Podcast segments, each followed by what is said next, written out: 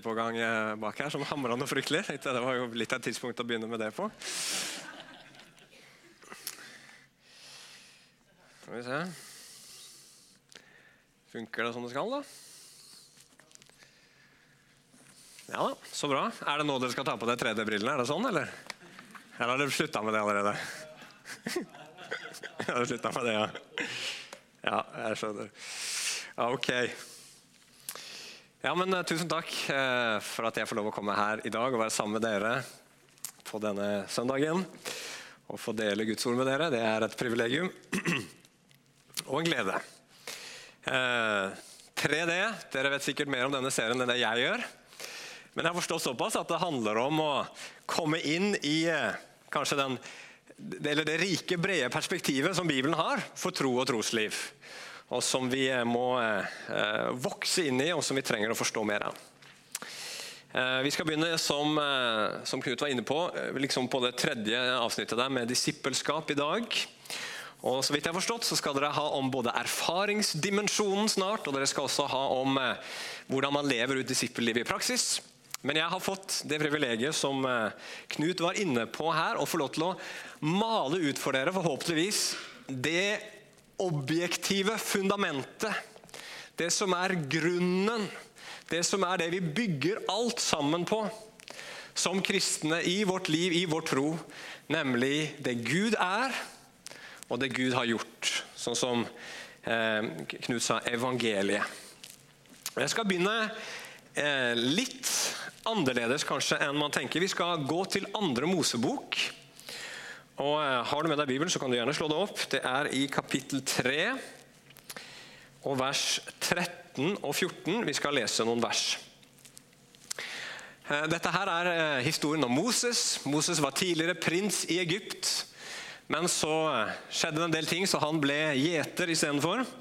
Og nå er han 80 år gammel, og livet ser ut til å være på hell ser ut til å bli lite interessant, men så møter Gud han i en brennende busk og kaller han til å bli rednings, redningsmann for Israel, som er eh, slaver i Egypt.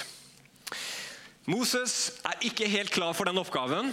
Han er ikke klar for å liksom redde et helt folk ut av Egypt på den måten. Så det blir en lang diskusjon med Gud i eh, andre Mosebok kapittel 3 og litt inn i kapittel 4 der òg. Hvor Moses har en del spørsmål til Gud, han har en del innvendinger. Og så Gjennom disse spørsmålene og Guds svar så åpenbarer Gud seg både for Moses og for oss. Og Da ser vi litt bedre hvordan Gud er, og hvem han er, og hvordan han tenker. Og Et av de versene her så skal vi se på eller, eller det verset her da, så ser vi på et av disse spørsmålene som Moses stiller til Gud. og Det er vers 13. Der står det Da sa Moses til Gud, se, når jeg kommer til Israels barn og sier til dem, deres fedres Gud har sendt meg til dere, og de sier til meg, hva er hans navn? Hva skal jeg da si til dem? Gud sa til Moses, 'Jeg er den jeg er'. Og han sa, 'Dette skal du si til Israels barn'. 'Jeg er har sendt meg til dere'. Så Når du spør om navnet til noen, så er du ute etter eh, identiteten til den personen. Du vil kanskje bli kjent med den. Du, du sier på en måte 'Hvem er du?' Og Det er det spørsmålet som også eh, Moses stiller til Gud her. Hvem er du? Og så svarer Gud på det spørsmålet. 'Jeg er den jeg er'. Og Det er masse å si om det, men jeg har lyst til å fokusere inn i dag på at dette her handler om at Gud han er det vi kan kalle for en objektiv virkelighet. Og Hva mener jeg med det? Det skal jeg straks forklare mer om. Men jeg har lyst til å eh, tale i dag om at rett og slett Gud er den han er.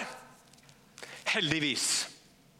Og Jeg skal prøve å forklare hva det betyr at Gud er den han er. Og så skal vi se på at det er en utfordring for oss. Men så skal vi også se at dette her er fantastisk bra. Så da trenger vi Guds nåde. Og Da vil jeg be en liten bønn nå før vi setter i gang, om at Gud skal hjelpe meg og hjelpe oss alle sammen til å se Han og til å erfare Han i dag. Himmelske Far. Vi kommer til deg fordi vi trenger deg, Herre. Vi trenger deg for absolutt alt, Herre. Herre, du, du sier det at uten deg så kan vi ingenting gjøre. Herre, så bare kom nå med din Hellige Ånd. Inspirer meg og hjelp meg til å forkynne på en måte som er forståelig, som er håndgripelig, Herre, som, som hjelper den enkelte her inne i sitt liv med deg. Og bare kom du med din Hellige Ånd og åpne hjertene våre, Herre, så vi kan forstå mer hvem du er. At vi kan forholde oss til deg på rett måte. Så livet vårt kan få den kraften, Herre, som det er ment å skulle få, Herre. Bare ved å kunne ane og få et glimt av din storhet og herlighet. Det ber vi om i Jesu navn. Amen. Så Gud er den han er. Og hva i all verden betyr det at Gud er den han er? Vel, det er noen ting i verden som bare er det de er. Uansett hva du mener og tenker eller føler om det. Og Det kaller vi for objektive virkeligheter. På den andre siden, det motsatte av det som er objektivt, så har du det som er subjektivt. Som nettopp handler om hvordan vi ser ting, hvordan vi opplever ting, hvordan vi oppfatter ting, hvordan vi føler ting osv. Fra vårt personlige perspektiv. Så det at cola er godt, f.eks., eller country music, det er fint. Det er sånne subjektive oppfatninger som er fullstendig personavhengig. Selv om noen sikkert syns alle burde synes countrymusikk er fint, så er ikke det en objektiv virkelighet. Noen av oss vil mene at det er langt ifra en objektiv virkelighet. Og Du kan til og med endre mening om dette. her. Dette her er subjektivt. Men hvis noe er objektivt, så forandrer det seg ikke ut fra våre oppfatninger. Og Et veldig godt eksempel på det er tyngdekraften. Tyngdekraften det er noe alle mennesker har hørt om og merker.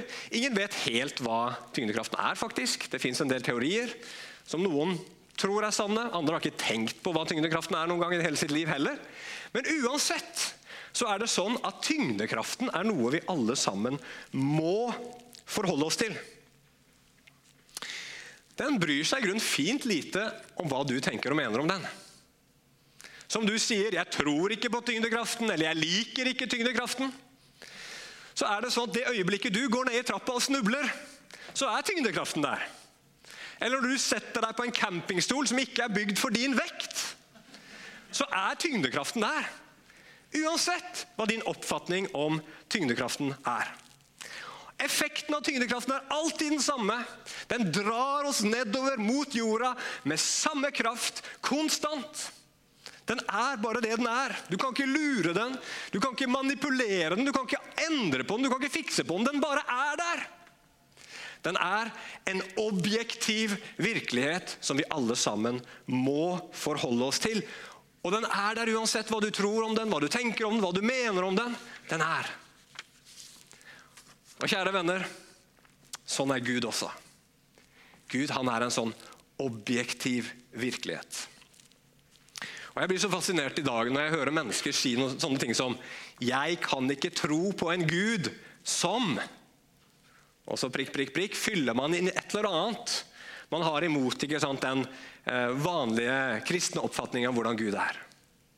Men vet dere hva? det er fullstendig irrelevant om man kan tro på en sånn Gud eller ikke. For Gud, han er den han er uansett, han. Det blir som å si jeg kan ikke tro på en tyngdekraft som ødelegger tusenvis av campingstoler hvert eneste år. Jeg kan bare ikke tro på en sånn tyngdekraft. Det har ingenting å si om du tror på den tyngdekraften eller ikke. Den er der. Og du må forholde deg til den om du vil eller ikke. Er dere med? Skjønner dere? Ja, det er bra. Da har jeg lykkes. Så Det som er viktig når det gjelder Gud, er ikke først og fremst hva mennesker tenker eller føler om Gud, men hvordan han virkelig er. Det er det som er det viktige spørsmålet. Og Hvordan kan du og jeg vite hvem Gud virkelig er? Heldigvis så kan vi vite mer enn at han er den han er. Fordi han har gitt oss den boka her, Bibelen, som kaller seg selv for en åpenbaring. Som åpenbarer for oss hvem Gud er. Og Denne boka her er sann, derfor kan du stole på den. Den er klar, iallfall i størstedelen av boka. Derfor kan du forstå den. Og den er tilstrekkelig, derfor gir den deg den informasjonen du trenger. For å vite det du trenger å vite om Gud, om livet, om deg selv og om framtiden. Så det vi kristne tror, det som er klassisk kristen tro, og som egentlig alle kristne stort sett i alle tider har bekjent, det er at den boka her faktisk åpenbarer for oss den objektive virkeligheten om hvem Gud er. Den viser oss Gud sånn han virkelig er. Og Vi er nødt til å forholde oss til det. Du kan velge å ikke tro på det. Du kan si nei, jeg tror bare på deler av det. Du kan si jeg liker det ikke. Men uansett hva slags innstilling du har, så er det bare en realitet ifølge denne boka her, at en dag, før eller senere, så skal du og jeg stå til ansikt, ansikt, ansikt til ansikt med den Gud som faktisk fins. Akkurat sånn som han er. Og da er det ikke så mye vi kan gjøre med hvordan han er. Han er den han er. Det blir som du, Hvis du liksom faller ut fra prekestolen, så er det bare sånn jeg håper ikke det skjer med noen av dere, at på et eller annet tidspunkt så vil du treffe bakken. Det er bare uunngåelig. Og På et eller annet tidspunkt så vil alle mennesker måtte møte Gud sånn som han er. Og Alle våre ideer og meninger og tanker om Gud de forsvinner på det øyeblikket. Og så står vi ansikt med ansikt overfor Gud sånn som han er. Og Da kan vi kanskje ane at det kan by på litt problemer. Men kanskje ikke sånn som vi tenker. For en del år tilbake så hørte jeg så en sånn YouTube-video jeg ser litt på YouTube innimellom, av en amerikansk forkynner. En ganske ramsalt type sånn eh, svovelpredikant. Som, eh, som, som, fortalte en gang om at han var i, på et universitet og skulle tale for en del studenter. Og De studentene, de fleste var der nok nettopp fordi at de, de, de gleda seg til den underholdningsverdien det var i det å liksom få se en ekte svovelpredikant ansikt til ansikt. Så han skjønte det, og så tenkte han disse her folka her, de skal jeg overrumple litt. Så han så de dypt inn i øynene og så sa han, i dag så skal jeg fortelle dere en helt fryktelig sannhet om Gud. En sannhet om Gud som er sånn at hvis dere forstår den, forstår den så kommer dere til å sitte og skjelve på plassene deres. Og Så fortsatte han liksom å bare bygge opp forventningsnivået i salen. Så han, så han fikk liksom folk litt fram på stolene og, og fikk de der han ville ha dem. Og så sa han til dem Og den fryktelige sannheten om Gud er dette her. Gud, han er god. Og De flirte litt og skjønte ikke helt hvorfor det var et stort problem og hvorfor det var så fryktelig. Men prøv å tenke litt på det. Gud han er denne objektive, uforanderlige virkeligheten som vi nettopp har snakka om. Og han er, sånn som Bibelen også åpenbarer det, den Gud som, måte, som, er skaper av alle ting. Han står bak alle ting. Han er, om du så vil, den ultimate virkeligheten. Han er enorm. Han er så stor at han er større enn et univers hvor lyset bruker 90 milliarder år på å reise fra den ene enden til den andre. Den Gud der er den Gud vi tror på. Han er Bibelens Gud. Og han kan ikke forandre seg. Han kan ikke opphøre å eksistere. Det er, noen av de tingene Gud faktisk ikke kan. Gud kan alt på en måte, men han kan ikke lyve, han kan ikke forandre seg. Han kan ikke opphøre å eksistere. Og han, den Gud der, han som er bak absolutt alle ting, som er den ultimate virkelighet, han er god. Tvers igjennom god. Helt, helt god. Det fins ikke et fnugg av mørke eller ondskap i han. Og Prøv å tenke litt på det. Det er fantastisk på én side, for det betyr at ondskapen ikke kommer til å seire. ikke sant? Men det betyr også at hvis jeg som menneske på en eller annen måte da mener eller gjør noe som kommer på tvers av den godheten. Den ultimate godheten. Den godheten som ligger bak absolutt alt. Hva sier det da om meg? Jo, det forteller da at jeg ikke er god. Det forteller at jeg er på kollisjonskurs med det gode. Og enda mer alvorlig så betyr det at jeg vender ryggen til, forkaster Han som er den ultimate virkeligheten og standarden og, og, og, og kilden til all godhet. Faktisk. Og Det høres jo ikke så kjempebra ut. Det høres ut som vi har et lite problem. Veldig mange mennesker i dag har et problem med det vi kaller for fortapelse. Det som i gamle dager kalte helvete, men jeg skal ikke bruke det ordet her i dag. For at De har problemer med å forstå hvordan kan en god Gud sende mennesker til et sted med evig pine. Og skal vi være helt ærlige, vi kristne også, så har vi også et problem med den sannheten der.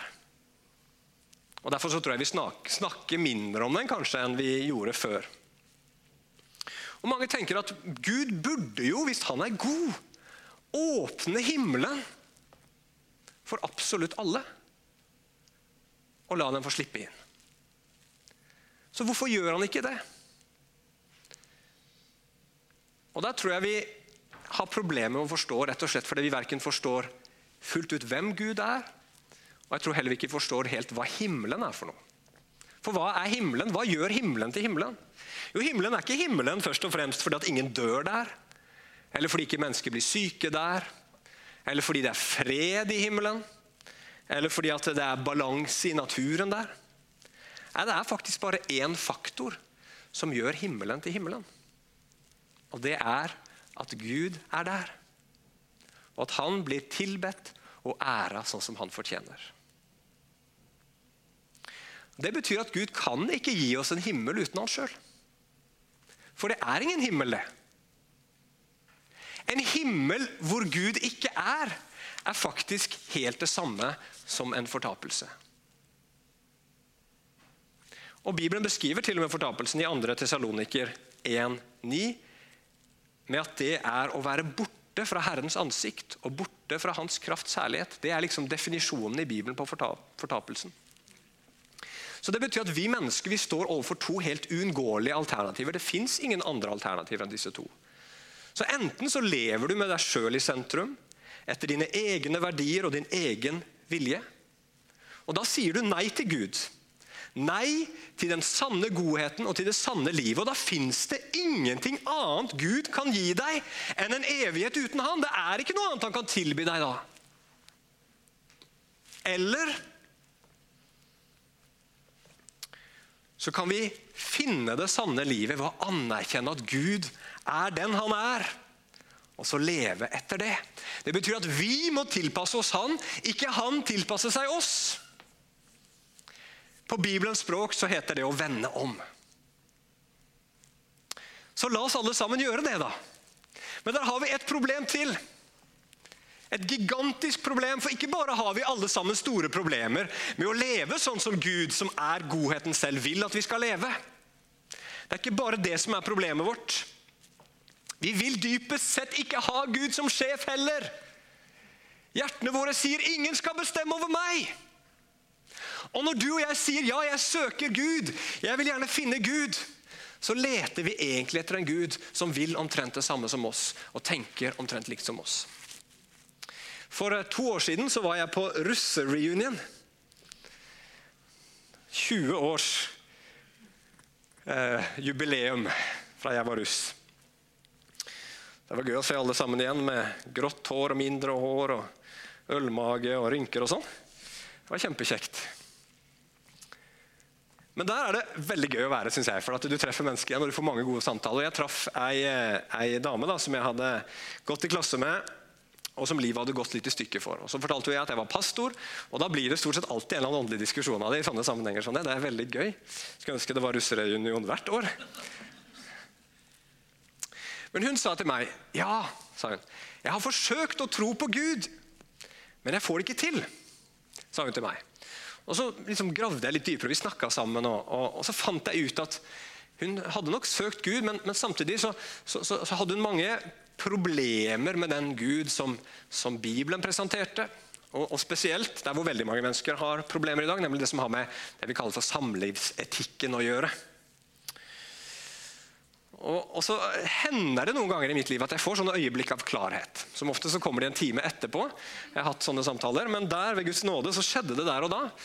Og så sa jeg til henne Hvis du vil finne Gud, sa jeg, så må du akseptere han for den han er. Er du villig til å be den bønnen her til Gud og si Gud, hvis du fins, så vil jeg gjerne finne deg Også hvis det skulle vise seg at du ikke er sånn som jeg vil at du skal være. Også hvis det skulle vise seg at du er imot homofilt ekteskap, sa jeg til henne. Og du vet at På sånne russereunion der er det ganske mye alkohol i omløp. Og sannheten skal du høre fra barn og fulle folk. Så hun svarte helt ærlig. Hun sa nei, den bønnen vil jeg ikke be, sa hun. Men hun er ikke unik. Vi mennesker er sånn alle sammen. Vi er i en håpløs situasjon fordi vi verken vil eller kan vende oss til Gud og bøye oss for Han. Den objektive virkeligheten står der. Den er uunngåelig. Men vi vil ikke at den skal være sånn som den er. Vi vil ikke akseptere at den er sånn som den er. Og så prøver vi alt vi kan å slippe unna. Det er problemet med at Gud er den han er. Men så kommer vi til det fantastiske med at Gud er den han er. Nå kan dere senke skuldrene deres. Hvorfor kan ikke Gud være en sånn tolerant og avslappa bestefar oppe i himmelen, som alltid forstår oss? Sånn som mange mennesker i dag ønsker at han skal være. Hvorfor må han være en sånn hellig og tydelig og brennende Gud? Sånn som Bibelen beskriver for oss. En Gud som ikke bare elsker det gode, men til og med hater det onde. står det. Og Det er fordi at bare en sånn Gud som det virkelig kan være kjærlighet. På den ene siden så handler det om at Hvis du virkelig er kjærlighet, så må du jo hate det som er ondt. Som ødelegger, bryter ned, og som gjør denne vakre verden her til et sånt, sånt råttent sted og så krevende og vondt og vanskelig sted for så mange mennesker. Du må hate det onde hvis du er god. Det er én side av saken. Men den andre siden er enda mer fantastisk enn det. For Hvis Gud var en sånn tolerant, himmelsk bestefar som liksom bare forstår alt sammen, og sa ja, ja, bare hold på, jeg elsker dere, så ville Guds kjærlighet måtte bare vært en sånn varm, fussy følelse i Guds hjerte som aldri ville kostet ham noe som helst, og som vi aldri ville sett noen ting til. Men vår Gud er ikke en sånn Gud. Og Guds kjærlighet er ikke en sånn kjærlighet. Hvordan åpenbarer Bibelen Guds kjærlighet? Jo, det står i Romerbrevet 5, og vers 6-8. Mens vi ennå var svake, døde Kristus for ugudelige da tiden var inne. Selv for et rettskaffent menneske vil vel neppe noen gå i døden. Eller kanskje ville noen gjøre det for en som er god. Men Gud viser sin kjærlighet til oss ved at Kristus døde for oss mens vi ennå var syndere. Hva står det her? Jo, For det første så beskrives vår fortapte situasjon. Vi er svake, vi er ugudelige, vi er syndere. Vi er sånne som har vendt oss bort fra Gud og ikke vil ha, ha Han som konge i våre liv. Og hva gjør Gud da? Hva gjør Gud med sånne mennesker som oss? Jo, han kommer. Han blir menneske som oss. Han går gjennom alle de samme tingene som vi går igjennom. Og så gjør han det for, som Jesus selv sa, å oppsøke og frelse det som har gått fortapt. Han kommer for å frelse oss.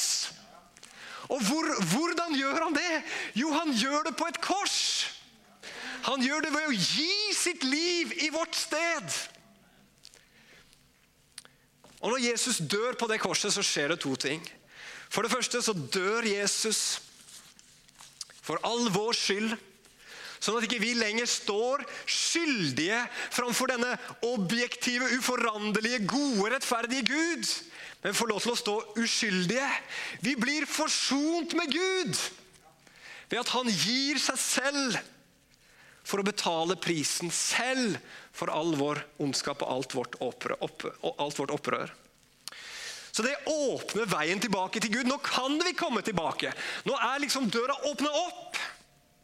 Men på korset så skjer det én ting til, som vi leste om her. At Gud der åpenbarer sin kjærlighet til oss. Han viser at han elsker oss så mye at han er villig til å betale den høyeste pris for å vinne oss tilbake til seg. I stad sa jeg at det går fortapt. Det å være borte fra Guds ansikt og borte fra Hans krafts herlighet. Og Når du og jeg ser på langfredag i Bibelen, når Jesus henger der på korset, og han roper ut der, nagla til korset, i dette mørket som kommer over hele jorden, står det. Og han roper ut, 'Min Gud, min Gud, hvorfor har du forlatt meg?' Hva skjer med Jesus da? Hva er det han erfarer da? Jo, han erfarer nettopp det som Bibelen kaller for fortapelse. Å være borte fra Guds ansikt. Han smaker døden for oss alle, sier Bibelen på en annen plass. Kjærlighet åpenbares i hvor mye du er villig til å ofre. Og Når Jesus går til korset, så ofrer han alt. Han går i en fortapt tilstand på en måte for vår skyld. Han blir kasta bort fra Gud for at du og jeg som var borte fra Gud, skal få komme nær. Fordi Gud er så hellig, så ren og så rettferdig. At han ikke tåler synd engang, men så kommer til jorda, blir menneske Jesus Kristus og tar all vår synd på seg og betaler den ultimate prisen for at du og jeg skal bli frelst. Så åpenbarer det en kjærlighet som sprenger alle grenser. Som er større enn noen sånn bestefar i himmelen, uansett hvor fin og godmodig han så ut, kunne komme i nærheten av en gang. Det er vår Gud. Hans kjærlighet er brennende. Den har en offervilje som går ned i det dypeste dyp, fordi han elsker oss. Det er det Bibelen beskriver. Og bare sånn i parentes, Der er det lov å si amen. Og når du og jeg ser det her, så skjer det noe med oss. Da er det ikke bare sånn at vi, vi forstår at vi har blitt tilgitt. Men vi ser en Gud som er så god, og som elsker oss så mye. At dette hjertet vårt, dette opprørske hjertet som vil gå på sin egen vei, sier nei. Denne her kongen her vil jeg bøye meg for. Det fins ingen som elsker meg sånn. Det fins ingen som har gjort mot deg, meg sånn som denne kongen har gjort mot meg. Han har mitt hjerte. Han har min lojalitet. Han vil jeg følge. Han vil jeg tjene.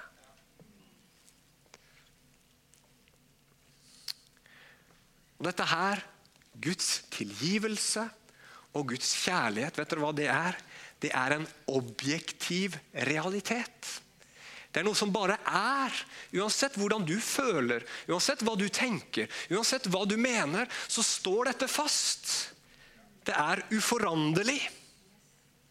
Og Det som jeg syns er veldig bra med det å leve nå i 2020, det er at man har funnet, man har forska ganske mye på det som har med Jesus sin død og oppstandelse å gjøre. Det rent historiske rundt det.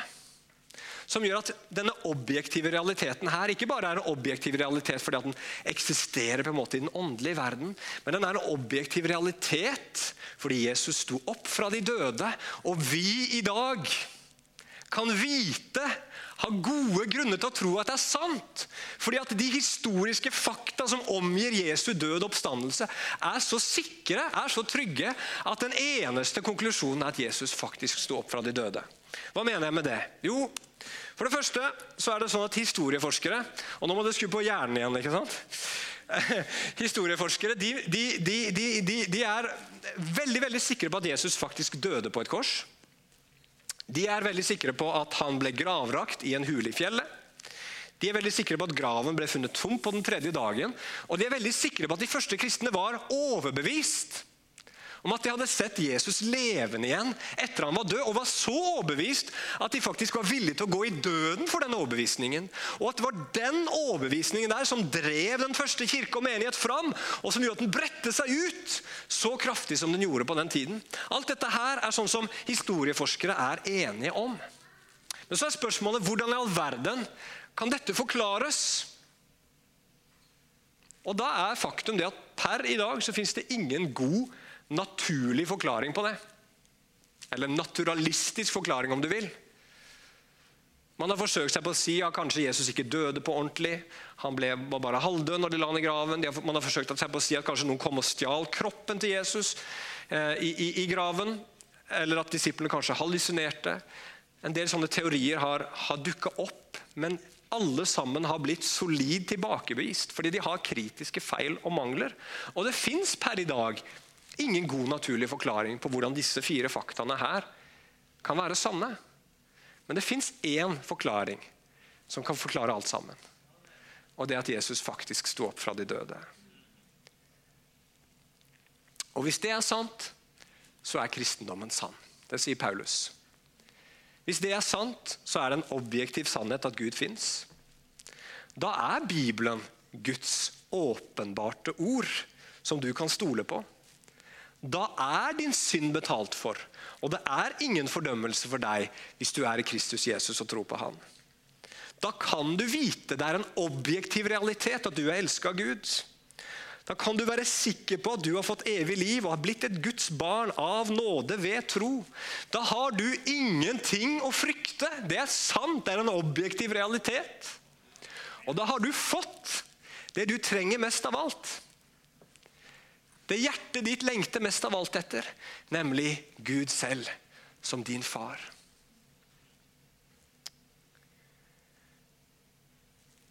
Det er en objektiv realitet. Det er bare sånn det er. Og Etter å ha lagt alt det her ut i, i, i Romerbrevet, i de første tolv kapitlene, så skriver Paulus følgende. Og hvilken dybde av rikdom og visdom jeg Unnskyld, Romerbrevet 11, 33, dere ser det på skjermen. Og hvilken dybde av rikdom og visdom og kunnskap hos Gud. Hvor uransakelig hans dommer er, og hvor utgrunnelig hans veier. For hvem har kjent Herren sin? Eller hvem var hans rådgiver? Eller hvem har først gitt noe til ham, så han skulle få gjengjeld? For av ham og ved ham og til ham er alle ting. Ham være æren i all evighet. Amen. Og så kapittel 12, vers 1. Jeg oppmuntrer dere derfor, søsken, ved Guds barmhjertighet, at dere framstiller deres kropper som et levende offer, hellig og velbehagelig for Gud. Dette er deres åndelige gudstjeneste. Så når Paulus legger ut Guds frelsesplan i de første tolv kapitlene av romerbrevet, så klarer han til slutt ikke å holde seg. Han må bare bryte ut i lovprisning, for Gud er så stor, hans frelsesplan er så vidunderlig. Det han har gjort for oss, er så herlig at han bare må prise Gud. Og så trekker han konklusjonen. Og hva er konklusjonen? Jo, overgi derfor livet ditt i tjeneste for Gud. Det er deres åndelige gudstjeneste, står det her. Men det hadde faktisk vært bedre å oversette med det er deres logiske gudstjeneste. Det, det greske ordet der gir grunn til å kunne oversette det på den måten. Hvorfor er det logisk?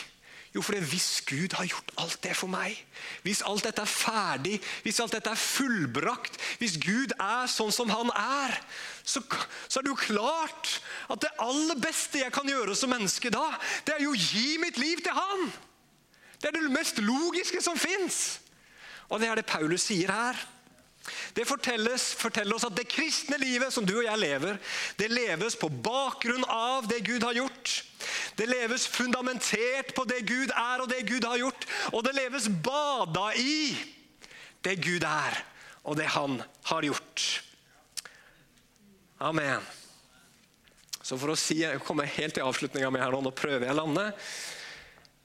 Når du ser dette her, hvem Gud er og hva han har gjort, så åpenbares det for det første Guds hellighet og godhet og rettferdighet som du og jeg er kalt til å strekke oss imot.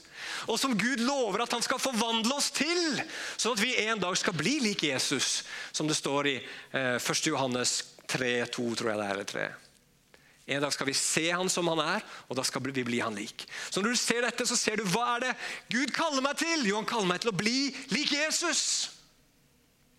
Nummer to Når du ser det her, så åpenbares Guds fullkomne nåde. Som dekker over all din synd, all din mangel, mens du er på vei dit og forsøker å bli lik Jesus. Nåde som dekker og tar bort all synd mens vi kjemper med den. Og så åpenbares til slutt hans ufattelige kjærlighet som er den kraften som skal drive deg og meg gjennom dette livet her. For du vil møte på fristelser, og du vil møte på motgang, og du vil møte på prøvelser. Men hva er det som driver oss? Hva er det som bærer oss hele veien? Jo, det er hans kjærlighet. Åpenbart ved Den hellige ånd i våre hjerter. At Gud åpenbarte sin kjærlighet for oss ved at Gud, Jesus døde for oss da vi enda, enda var syndere. Halleluja. Du og jeg vi er på vei mot et evig mål. Du vet at du skal bare leve her veldig, veldig, veldig kort. Vet du hvor kort? Jeg skal avslutte med den, og nå prøver jeg på alvor å lande. Forestill deg et tau. Et tau som er så langt at det, altså det er bare en sånn tau sånn vanlig størrelse som fyller hele lokalet her. Alt er bare tau. Ja, det tyter ut av dette lokalet her og, og, og, og ut på gaten i Hommersåk og bare fyller hele, hele kommunen her. Ja, det fyller faktisk hele fylket vårt. Bare Forestill deg et sånt tau som det som bare ligger i en gigantisk haug på den størrelsen der. Det er et langt tau, er det ikke det? Det er det, så det er bare en ikke. Og så ser du helt på begynnelsen av tauet så har du en liten sånn millimeter med, av en stripe der som er farga i rødt. Og Den lille millimeteren der, det er livet ditt her på jorda. Og resten av det tauet, det er livet ditt i evigheten sammen med Gud. Og Det er jo bare en dårlig illustrasjon, for at evigheten er mye lenger enn det tauet der. Men det hjelper oss til å få perspektiv. Og Gud har kalt deg til det. Og Han har gjort alt for at du skal få kjenne Han, leve med Han og få dette evige livet. Og bare ha det grunnlaget i bunnen. Det må du ha. Og det må du bade deg selv i hver eneste dag for å være en disippel av Jesus Kristus. Amen.